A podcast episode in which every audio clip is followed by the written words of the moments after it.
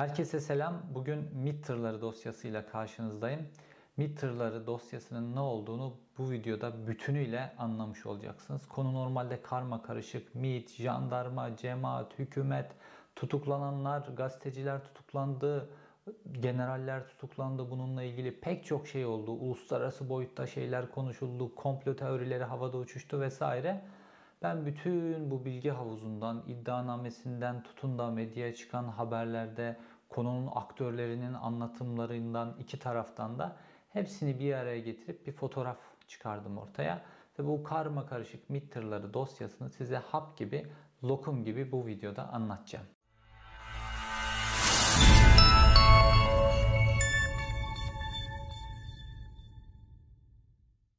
Meşhur MİT tırlarının durdurulması olayı 19 Ocak 2014 tarihinde gerçekleşti. Bu tarihin olduğu döneme bir gidelim. Bu tarihin olduğu dönemde Türkiye'de konuşulan tek bir konu var. 17-25 Aralık yolsuzluk operasyonu olmuş 2013'ün son ayında ve tamamen 4 tane bakan istifa etmiş ve Türkiye tamamen bu yolsuzluk operasyonunu konuşuyorken bir anda MİT olayı patlak verdi ve Türkiye artık bu yolsuzluk olayını, dört bakanın istifasını vesaire bunların hepsini konuşmayı bıraktı ve bu MİT olayına odaklandı. Çünkü çok büyük bir olay olarak patlamıştı. Hükümet bu tırların Türkmenlere yardım, insani yardım malzemeleri götürdüğünü, işte battaniye götürdüğünü o zaman Davutoğlu başta olmak üzere Tayyip Erdoğan savundu. Sonradan Tayyip Erdoğan velev ki silah götürüyorum noktasına geldi ve hükümetin içerisinde AK Parti'nin içerisinden önemli bir isim olan Yasin Aktay da bu e, silahların, bu tırların içerisindeki silahların Özgür Suriye ordusuna götürüldüğünü açıkça söyledi. Desteği veren Türkiye Cumhuriyeti'dir. Oraya giden tırlar nerede? Ya o, ne çıktı? Silahlar. İşide giden silahlardı. Özgür Suriye ordusuna gidiyordu. Silahlardı. Özgür Suriye ordusuna gidiyordu. Böyle söylem değişiklikleri falan oldu ama konjonktür böyle. 17-25 Aralık yolsuzluk operasyonu konuşulurken bir anda konu MİT tırları olayına döndü. Fakat bunun çok öncesinde hadisenin bambaşka bir boyutu var. Olay aslında adım adım otomobil hırsızlığı olayıyla geliyor. Nasıl oluyor? Şimdi jandarma ya yönelik Ankara'daki jandarma istihbarat ve Ankara Bölge Jandarma Komutanlığı ile ilgili bazı gelişmeler oluyor. Bunlardan bir tanesi işte bir araç hırsızlığıyla ilgili gerek İstanbul'a gerekse Ankara'ya çeşitli böyle ihbarlar, bilgiler geliyor.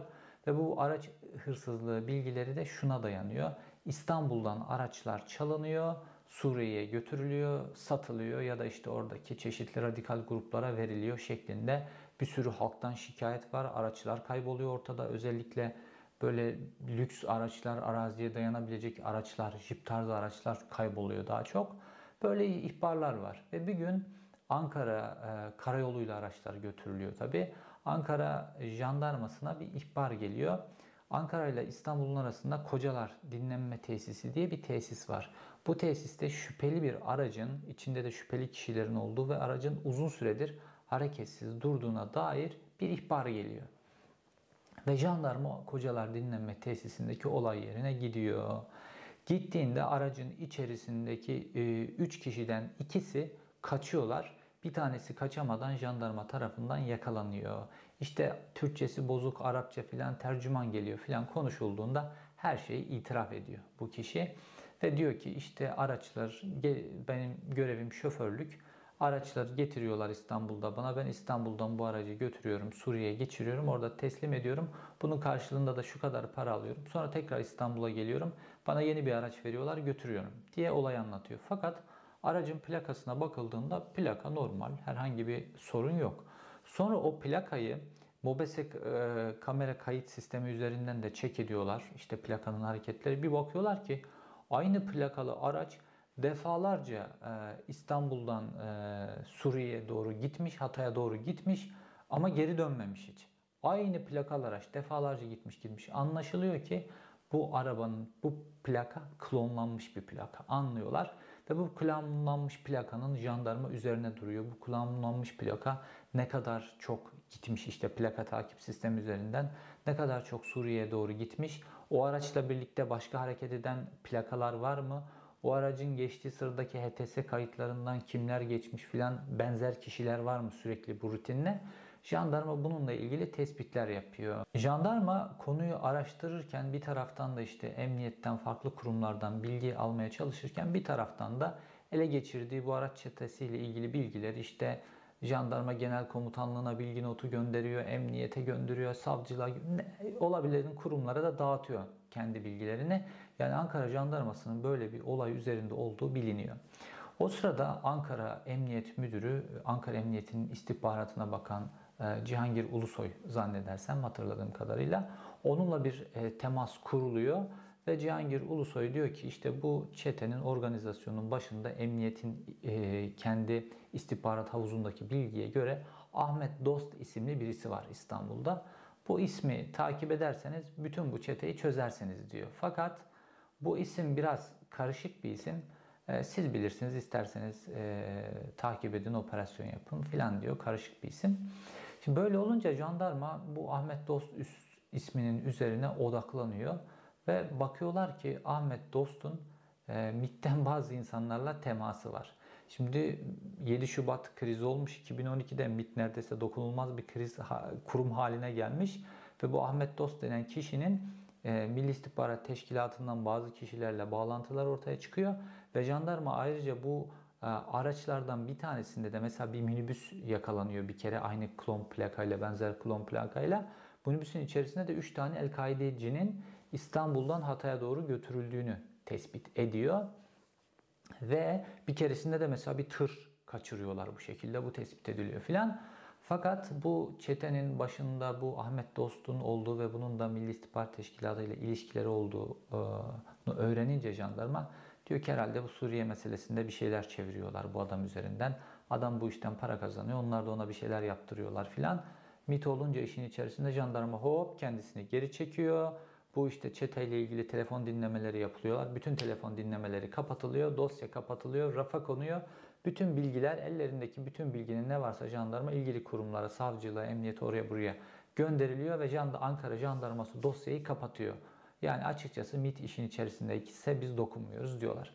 Şimdi bu o, o, olta diye, diyebileceğim şeyden jandarma kendisini kurtarıyor. Fakat 1 Ocağa geldiğimizde 1 Ocak 2014'e geldiğimizde Hatay'ın Kırkhan ilçesinde bir tane tır durduruluyor ihbar üzerine. İhbarda tırın içerisinde silah, mühimmat filan olduğu e, belirtiliyor ve bu tır durduruluyor. Tır durdurulunca işte e, MİT e, bölge başkanı olaya müdahil oluyor, vali olaya müdahil oluyor ve tır hiç aranmadan MİT bölge başkanı diyor ki benim bu tırdan bilgim var diyor.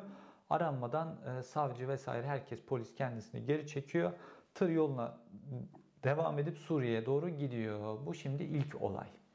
Fakat bu sırada e, Reyhanlı saldırısı gerçekleşmiş. İşte çok sayıda vatandaş hayatını kaybetmiş. Ayrıca büyük bir olay ve bu Reyhanlı saldırganlarının da esas olarak Ankara'da bu eylemi gerçekleştirmek istedikleri, Ankara Kocatepe Camii'nde keşif yaptıkları fakat eyleme uygun o, olmadığını düşündükleri için Konya'ya doğru yönlerini değiştirdikleri fakat ikisini gerçekleştirmeyince Reyhanlı'da gerçekleştirdikleri de savcılık soruşturmasında ortaya çıkınca bütün e, şeyleri de uyarıyor savcılık.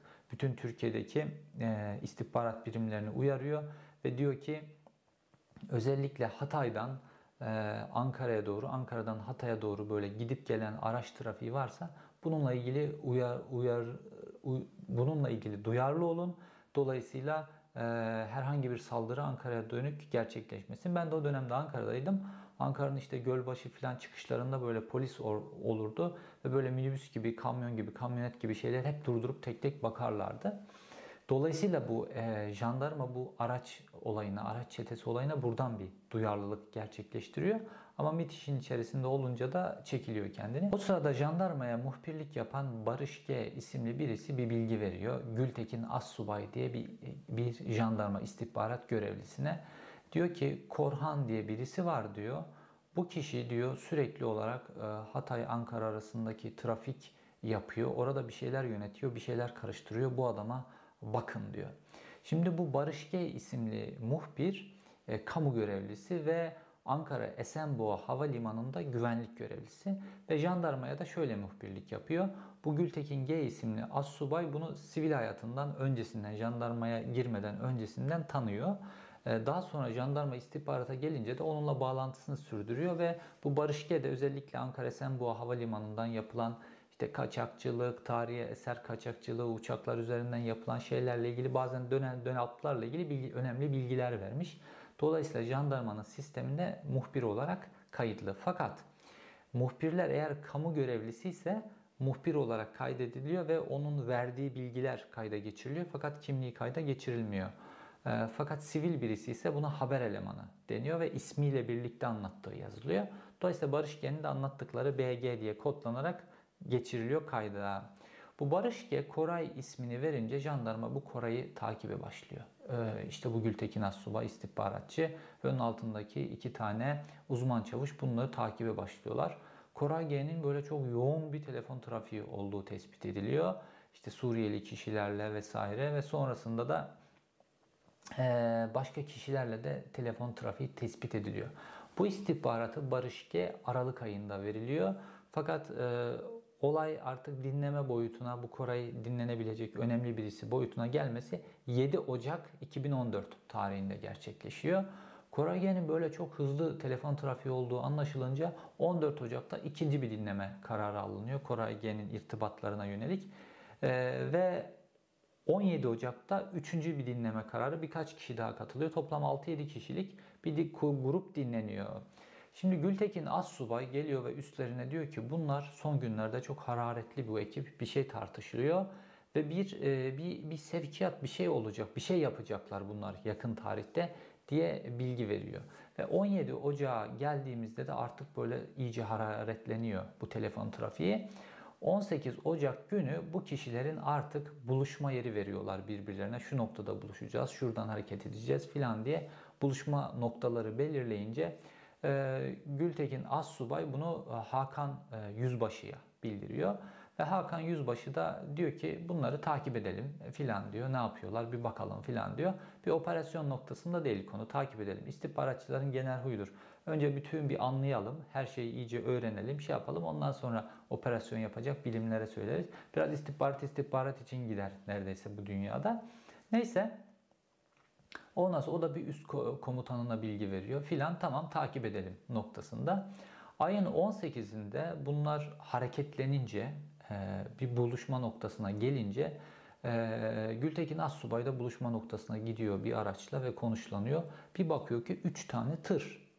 Ondan sonra ve 3 tane tır şeklinde buluşuyor bunlar ve yola çıkıyorlar ve Ankara'yı terk edip Gölbaşı'na doğru gidiyorlar.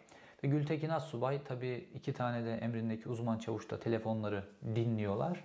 Ve Gültekin Assubay bu seyahat sırasında da telefon trafiğinin çok hareketli olduğu, başka kişilerle de görüştüklerini filan tespit edince büyük bir olay olacağını analiz ediyor. Ve Hakan Yüzbaşı'yı arıyor. Diyor ki bunlar Ankara'dan çıktılar, gidiyorlar. Çok hararetli konuşmalar var. Bir şey yapalım, bunlarla ilgili bir bilgi notu oluşturalım ve bütün birimlere geçelim filan diyor. Ee, yüzbaşı diyor ki bir konuşalım bunu bir bekle diyor. Yüzbaşı bir üst komutanıyla konuşuyor ve üst komutan bunların hepsini anlattığım bu ifadelerden filan mahkeme tutanaklarından her şeyden birleştirdiğim çapraz e, anlatımlarla oluşan hikaye. Ve bir üst komutanı da diyor ki yani bu adamlar böyle bir iş yapıyorlarsa böyle başka bir iş daha yapacaklardır. Bunların ne yaptığını bir öğrenelim. Telefon konuşmalarında açık açık suç unsuru olan ne yaptıklarını söyledikleri bir konuşma geçiyor mu diyor. Ee, dönüyorlar e, Gültekin Assubay diyor ki yok açık açık söylemiyorlar ama bir şey yapıyorlar. Çok belli çok hararetli bir şey var. Buluştular bir yere gidiyorlar filan. Ee, ve üst, en üst komutan istihbarattaki en üst komutanları diyor ki yok diyor bir şey yapmayın izleyin bunları sadece. Zaten e, Ankara sınırlarından da çıkmak üzereler bir şeyler bir şey yapmayın diyor. O sırada tabi teknik takip devam ediyor. Teknik takibinizi yapın deniyor. Bunların telefonları dinleniyor. Bunlar o sırada Aksaray'a kadar gidiyorlar. Fakat hararet daha çok artıyor konuşmalarda yol ilerledikçe. Ve Gültekin Assubay e, tekrar yüzbaşısını arıyor. Diyor ki ya bunlar çok hararetli konuşuyorlar. Birileriyle de konuşuyorlar filan. E, bununla ilgili bir bilgi notu yapıp gönderelim bütün birimlere. Bir bakılsın buna filan diyor. Ee, Yüzbaşı diyor ki ya diyor komutan böyle demedi mi diyor. Takip edelim teknik takip. Bunlar bir daha bir şey yaparlar. Tam öğreniriz ne yaptıklarını, suç işlediklerine tam emin oluruz. Ondan sonra bu operasyonel boyuta gidebilecek bir bilgi notunu oluştururuz diyorlar. Fakat Gültekin Assubay çok genç ve bir şey olacağına ilişkin işte şüpheleri var filan. Kendisi e, tırlar Aksaray'a varmışken e, gidiyor işte e, tabii kendisi de dönüyor bir taraftan Ankara'ya doğru. Ankara sınırından çıktıktan sonra gidiyor bir tane e, ankeserli telefondan bunların işte konuşmalarından güzergahları Adana'ya doğru gidiyorlar bunlar. Adana'da bunlar bir şey yaparsa yapar diye düşünüyor ve Adana jandarmayı arıyor. Diyor ki 156 normal jandarma ihbar hattını arıyor. Diyor ki e, işte böyle böyle şu plakalı 3 tane tır geliyor. Bunların e, içinde işte silah olabilir, mühimmat olabilir filan. O sırada tahminlerini söylüyor biraz da. Ve e, bunlarla ilgili arayın bunları durdurun filan gibi kendisi şey yapıyor. ihbarda bulunuyor. Telefonu kapatıyor gidiyor. Ondan sonra sonra artık olay Ankara jandarmadan çıkıyor. Olay dönüyor e, Adana jandarmanın kucağına geliyor olay. Adana jandarma 156'ya bu ihbar gelince e, işte jandarmada silsile halinde komutanlara iletiyorlar. Böyle böyle 3 tane araçla ilgili böyle bir ihbar var. Komutan da diyor ki işte gidin savcıya bilgi verin o der derse onu yapalım. Gidiyorlar işte Aziz Takçı isimli bir savcı var. Savcıya söyleniyor. Savcı da diyor ki işte elinizde ne bilgi varsa gelin bakalım diyor. Zaten e, lojmanlar birbirine yakın. O sırada da lojmanda. Getiriyorlar bilgileri. İşte e, ihbarda ne vardı filan, ihbar ne kadar ciddi filan. Jandarmada işte plakaların olması e, e, vesilesiyle, başka birkaç bilgi vesilesiyle. Bir de o gün ha jandarma çok duyarlı. Niye duyarlı? O gün HDP Adana'da bir eylem yapacak ve bu eylem yasaklanmış. Kırsal alanda bir eylem yapacak. Şehire gelecekler.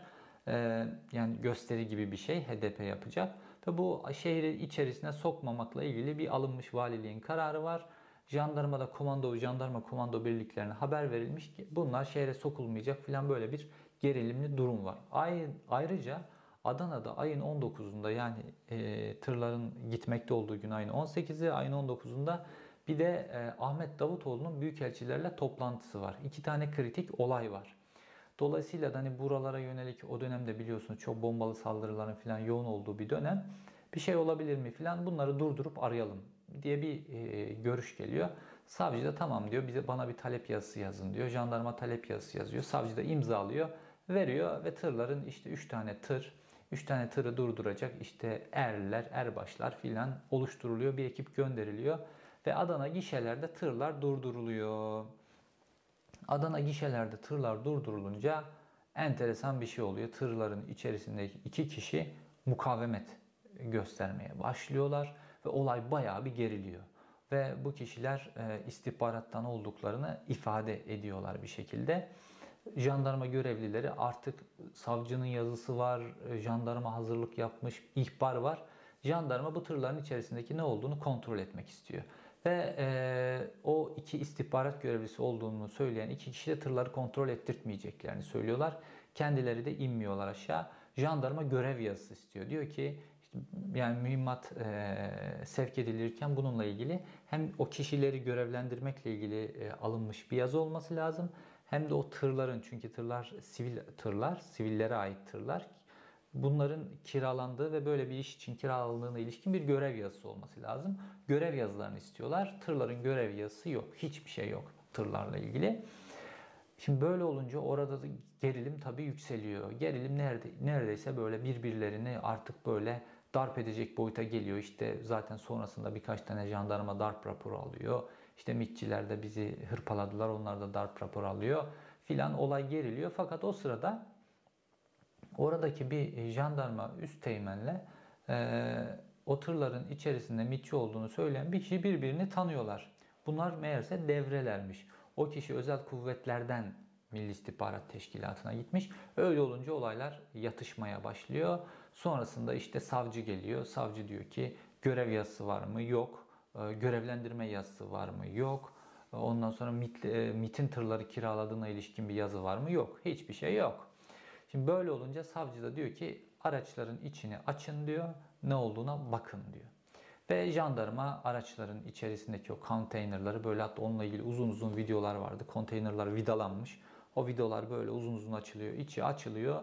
İçinde işte e, biraz e, üst tarafta sağlık malzemeleri altındaysa böyle 2 metre uzunluğunda neredeyse füze mermileri gibi böyle ağır silah mermileri ortaya çıkıyor. Ve jandarmaya e, savcı diyor ki bunlardan numune alın tırları bırakın diyor. Tabii o sırada olay patlıyor ve e, vali işte olaya müdahale ediyor. MİT bölge başkanı olay yerine geliyor. Fakat MİT bölge başkanı diyor ki benim böyle bir sevkiyattan e, haberim yok diyor. Şimdi bir önceki 1 Ocak'taki Hatay'da durdurulan, Kırıkhan'da durdurulan tırlarda MİT bölge başkanı benim bu olaydan bu sevkiyattan haberim var deniyor ve tırlar bırakılıyor yoluna devam ediyor. Fakat bu sefer olayın uzamasının sebebi MİT bölge başkanının da benim bu sevkiyattan haberim yok demesi. Dolayısıyla normal yapılan sevkiyatlardan biliyorsunuz Hakan Fidan 2000 tır gönderdik filan diyor. Bu sevkiyat işleri de biliyorsunuz işte orada uluslararası bir koalisyon olmuştu Esad'ın devrilmesiyle ilgili. İşte e, Amerika'da var işin içerisinde Katar finansmanı sağlıyor filan böyle silahları yurt dışından buluyorlar. Türkiye'de sevkiyat işini yapıyor. Fakat bu sevkiyatın içinde normal yapılan sevkiyatın içerisinde bir de bazı kişilerin kendi hesabına yaptıkları sevkiyatlar var. Dolayısıyla bu sevkiyatlardan bazılarının kaydı var, tutanakları var. Bazılarının kaydı ve tutanakları yok. Şimdi MİT Bölge Başkanı da böyle deyince olayın işi iş iyice uzuyor. İşinden çıkılmaz hale geliyor.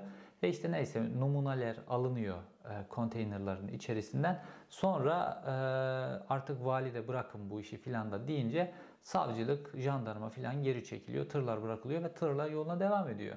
Tırlar Suriye'ye gidiyorlar. O işte içinde ne varsa onu teslim ediyorlar. Hani hükümet o günlerde daha sonra açıklama yaptı. İşte ondan bir süre sonra bir saldırı olmuştu Türkmenlere. İşte o tırlar gitmediği için Türkmen kardeşlerimiz saldırıya uğradı deniyor ama aslında o tırlar gitti. Kime ne teslim edecekse gitti ve oraya teslim etti. Sadece içinden küçük bir numune bölüm ayrılmıştı. Jandarma kriminale gönderiliyor ve işte menşei ortaya çıkartılıyor. Türkiye'ye ait silahlar değil işte filan diye. E, Libya vesaire kaynaklı silahlar diye ortaya çıkartılıyor. Ve sonrasında olay o gündeme bomba gibi düştü. Şimdi MİT tarafına ve jandarma tarafına bakılınca onlar için böyle normal adi bir e, olay gibi işte tırlar durduruldu bir yerde ihbar geldi filan her zaman olabilecek şeyler. Mesela o Kırıkhan'da da durdurulmuştu. Olay hiç öyle büyütülmedi bile fakat burada çok büyütüldü. Niye? Hükümetin böyle bir şeye çok ihtiyacı vardı ve hükümet tarafından inanılmaz derecede büyütüldü ve artık 17-25 yolsuzluk falan hiçbir şey konuşulmamaya başlandı. Bu konu konuşulmaya başlandı esas olarak. Peki bu olayın içerisinde esas ne vardı ve daha sonra bu olay patladıktan sonra Ankara e, jandarmada neler olmaya başladı? Bu yargı sürecini de etkilemesi açısından son derece önemliydi. Şimdi tekrar Adana'dan Ankara jandarma veya Ankara Jandarma İstihbaratı orada olan Jandarma Genel Komutanlığı'nda olan olaylara geri dönelim. Adana'da böyle bir olay gerçekleşmiş ama Ankara Jandarma rahat hani kendilerini ilgilendiren bir durum yok diye düşünüyorlar. Fakat Gültekin Assubay'ın içi içini yiyor. Ondan sonra Gültekin Assubay bir süre sonra gidiyor ve bir hafta ya da iki hafta sonra gidiyor ve komutanına diyor ki komutanım diyor işte böyle böyle oldu. Bu tırlar işte o tırlar ve ben gittim telefonla ihbar ettim o tırları diyor. Komutan diyor ki niye yaptın bunu? Biz sana dedik ki sadece biz bunu teknik takip yapalım. Takip edelim ve istihbarat kaydına geçirelim sadece dedik. Niye yaptın bunu diyor. İşte büyük bir olay olacağını düşündüm filan. Genç bir subay refleksi. Büyük olay olacağını düşündüm. Çok hararetliydi konuşmalar. O bu. Bilgi notu da yapıp dağıtalım demeyince ben de böyle bir şey yaptım diyor.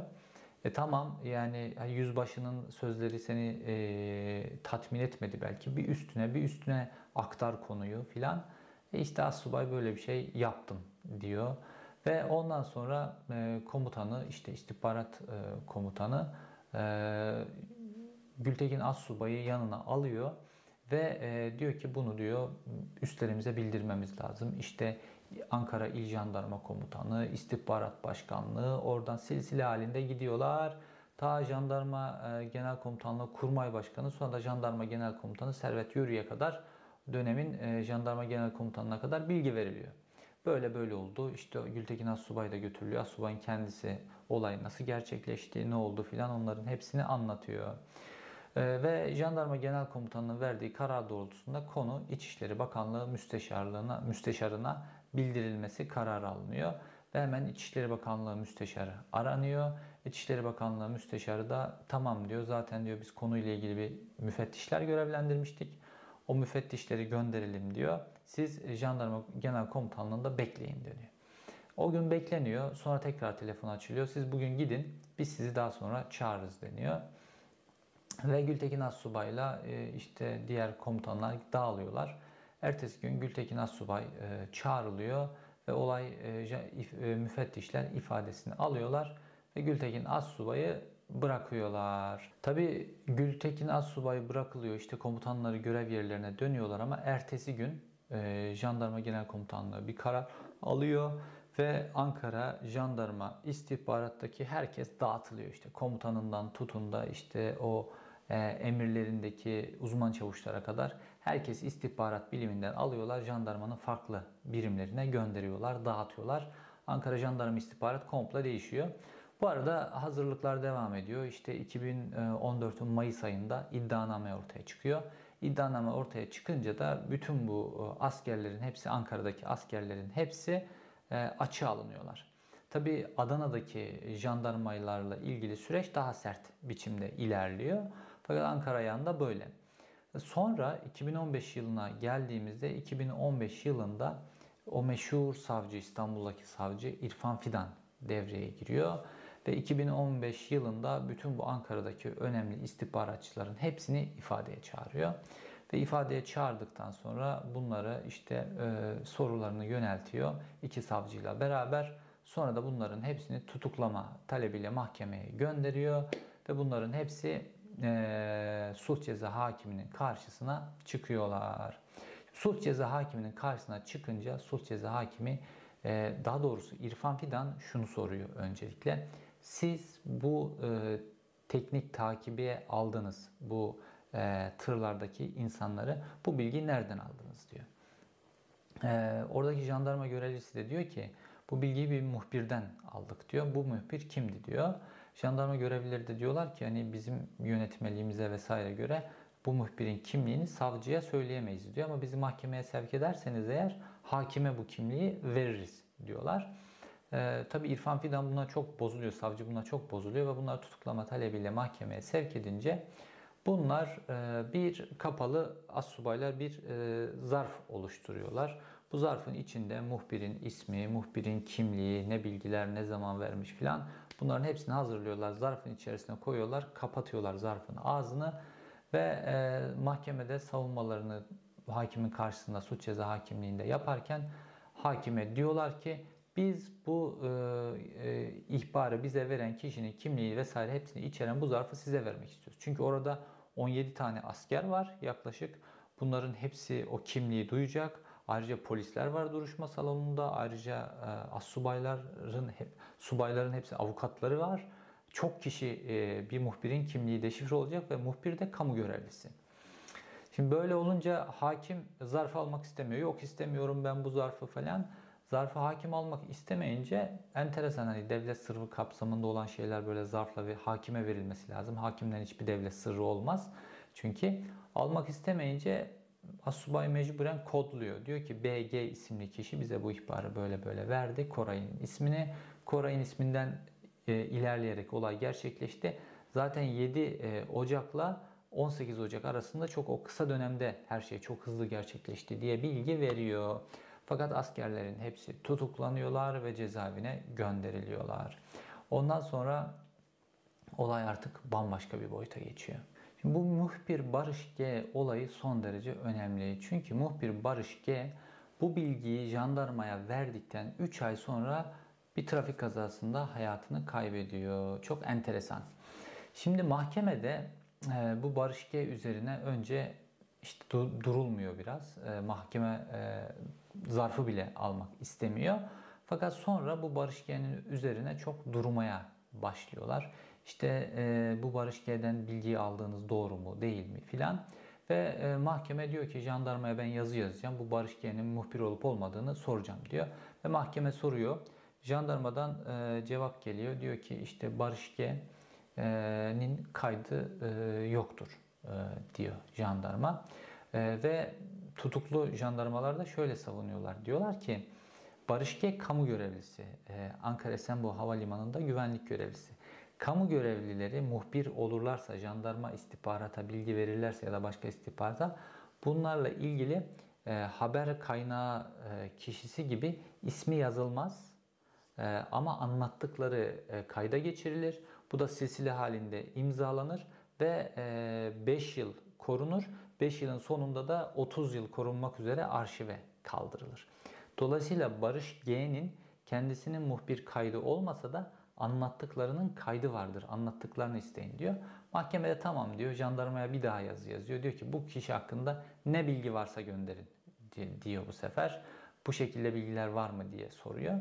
Ve jandarma bu sefer e, yazı gönderiyor ve diyor ki işte evet BG diye kodlanmış ki bir kişiden alınan şöyle şöyle şöyle şöyle ihbarlar olmuş zamanında. İşte tarihi eser kaçakçılığından tutun da en son bu Koray meselesine kadar onların da kayıtları imzalı askerlerin hepsinin imzası var altında silsile halinde gönderiyor. Böyle olunca Barışke olayı ortaya çıkıyor. Bu sefer de mahkeme e, bu e, Gültekin Yüzbaşı'yı sınıyor tabii mahkeme. Bir sonraki duruşmada 3 e, tane fotoğraf e, koyuyorlar. Böyle içinde kalabalık insanlar var. Bu üç fotoğrafın içerisinde Barış Ge bunlardan hangisi diye teşhis etmesini istiyorlar. Gültekin Asubay da teşhis ediyor. Orada diyor ki ya diyor ben bu kişiyi sivil hayatımda zaten tanıyordum. İşte istihbarat görevlileri sivil hayatında tanıdıkları insanlarla ilişkilerini sürdürürler bilgi almaya devam etmek için. Bu çerçevede ilişkimi sürdürüyordum diyor. Peki mahkeme diyor ki sen diyor bu kişinin öldüğünü biliyor muydun diyor. E biliyordum diyor hatta ailesine bir işte başsağlığı diledim filan ben bunu sivil hayatımda da tanıyorum diyor. Şimdi böyle olunca bu sefer o yargılanan askerler şüpheleniyorlar. Ve diyorlar ki bu Barış G'nin e, nasıl öldüğüne ilişkin bir araştırma yapılsın deniyor. İşte o zaman sadece bir tane gazetede bir haber çıkmış. İşte bir benzinlikten e, çıkarken e, bir aile işte çocuk, eş ve işte Barış G'nin olduğu bir aile trafik kazası yapıyor. Çocukla Anne yaralı kurtuluyor. Barış G de o gün de alkollü biraz hayatını kaybediyor. Fakat Barış G'nin e, ehliyeti olmadığı için her zamanki olduğu gibi eşi aracı kullanıyor. Ve trafik yönünden dosya kapatılmış. Mahkeme diyor ki yok diyor bu dosyayı araştırmaya gerek yok. Nasıl öldüğünü araştırmaya gerek yok. Trafik yönünden olay zaten e, araştırılmış. E, herhangi bir şey olmadığı kanıtlanmış, kapatılmış diyor. Bu sefer askerler daha da yükleniyorlar tutuklu askerler. Diyorlar ki bu Barış G'nin e, Milli İstihbarat Teşkilatı'yla, Emniyet İstihbarat Teşkilatı'yla herhangi bir bağ var mı? Bunlara da bilgi veriyor muydu? Bunlar da bunu kullanıyorlar mıydı? diye bilgi almaya çalışıyorlar. Çünkü e, jandarma görevlileri artık şundan şüpheleniyorlar. Bize bir bu araç hırsızlığı ile ilgili bir bilgi verildi. Orada olayın peşinden gittik. Ahmet Dost diye bir adama ulaştık. Aa baktık adam mitçi. Olayı kapattık. MIT'e bulaşmadan olayı kapattık. Sonra işte e, bu bu sefer bu işte Kır Hatay'daki hadise patlıyor. Ondan sonra orada da jandarmanın farklı bir departmanı hemen olaydan kendini geri çekip tırlara yol veriyor. Olay da kapanıyor. Fakat bu olayda bu sefer yine jandarmaya bilgi geliyor ve bu bilgi ilerliyor ve olay nerelere kadar varıyor. İşte o jandarma belki aslında komutanlar da bu olayın içerisinde MIT var mıdır yok mudur diye şüphelendikleri için belki de Gültekin Assubay'a e, takip etmeyin dediler. Bilmiyorum bunu. E, sadece tahmin yürütüyorum. Ama işte orada genç bir assubayın böyle bir telefon açmasıyla olay çok farklı boyutlara gelmiş oluyor. Ve e, sonrasında mahkeme bu şey talepleri de reddediyor. Barış G'nin MIT'le, jandarmayla ya da MIT'le emniyette bir ilişkisi var mı? Bu talepleri reddediyor. Çünkü şundan da şüpheleniyorlar askerler. E, Kemal Eskintan diye birisi var. İşte eski özel kuvvetler personeli. Özel kuvvetlerden ayrılmış Milli İstihbarat Teşkilatı ile çalışıyor. Fakat sık sık e, Ankara Jandarma Komutanlığı'na geliyor. Orada işte bazı şeyler anlatılıyor, bazı bilgiler almaya çalışıyor filan gibi bir durumlar var. Ve dolayısıyla acaba e, işte fotoğrafı birleştirmeye çalışıyorlar kafalarından bir Tonga'ya mı geldik filan diye. Bu fakat bununla ilgili araştırma talepleri de mahkeme tarafından reddediliyor. Bu tutukluluk halleri işte devam ediyor. İşte Gültekin Assubay bir bırakılıyor, tahliye ediliyor, sonra tekrar tutuklanıyor filan.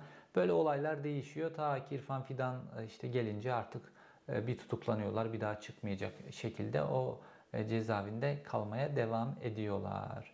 Fakat olaylar bununla kalmıyor. Olay daha da büyüyor ve farklı boyutlar ortaya çıkmaya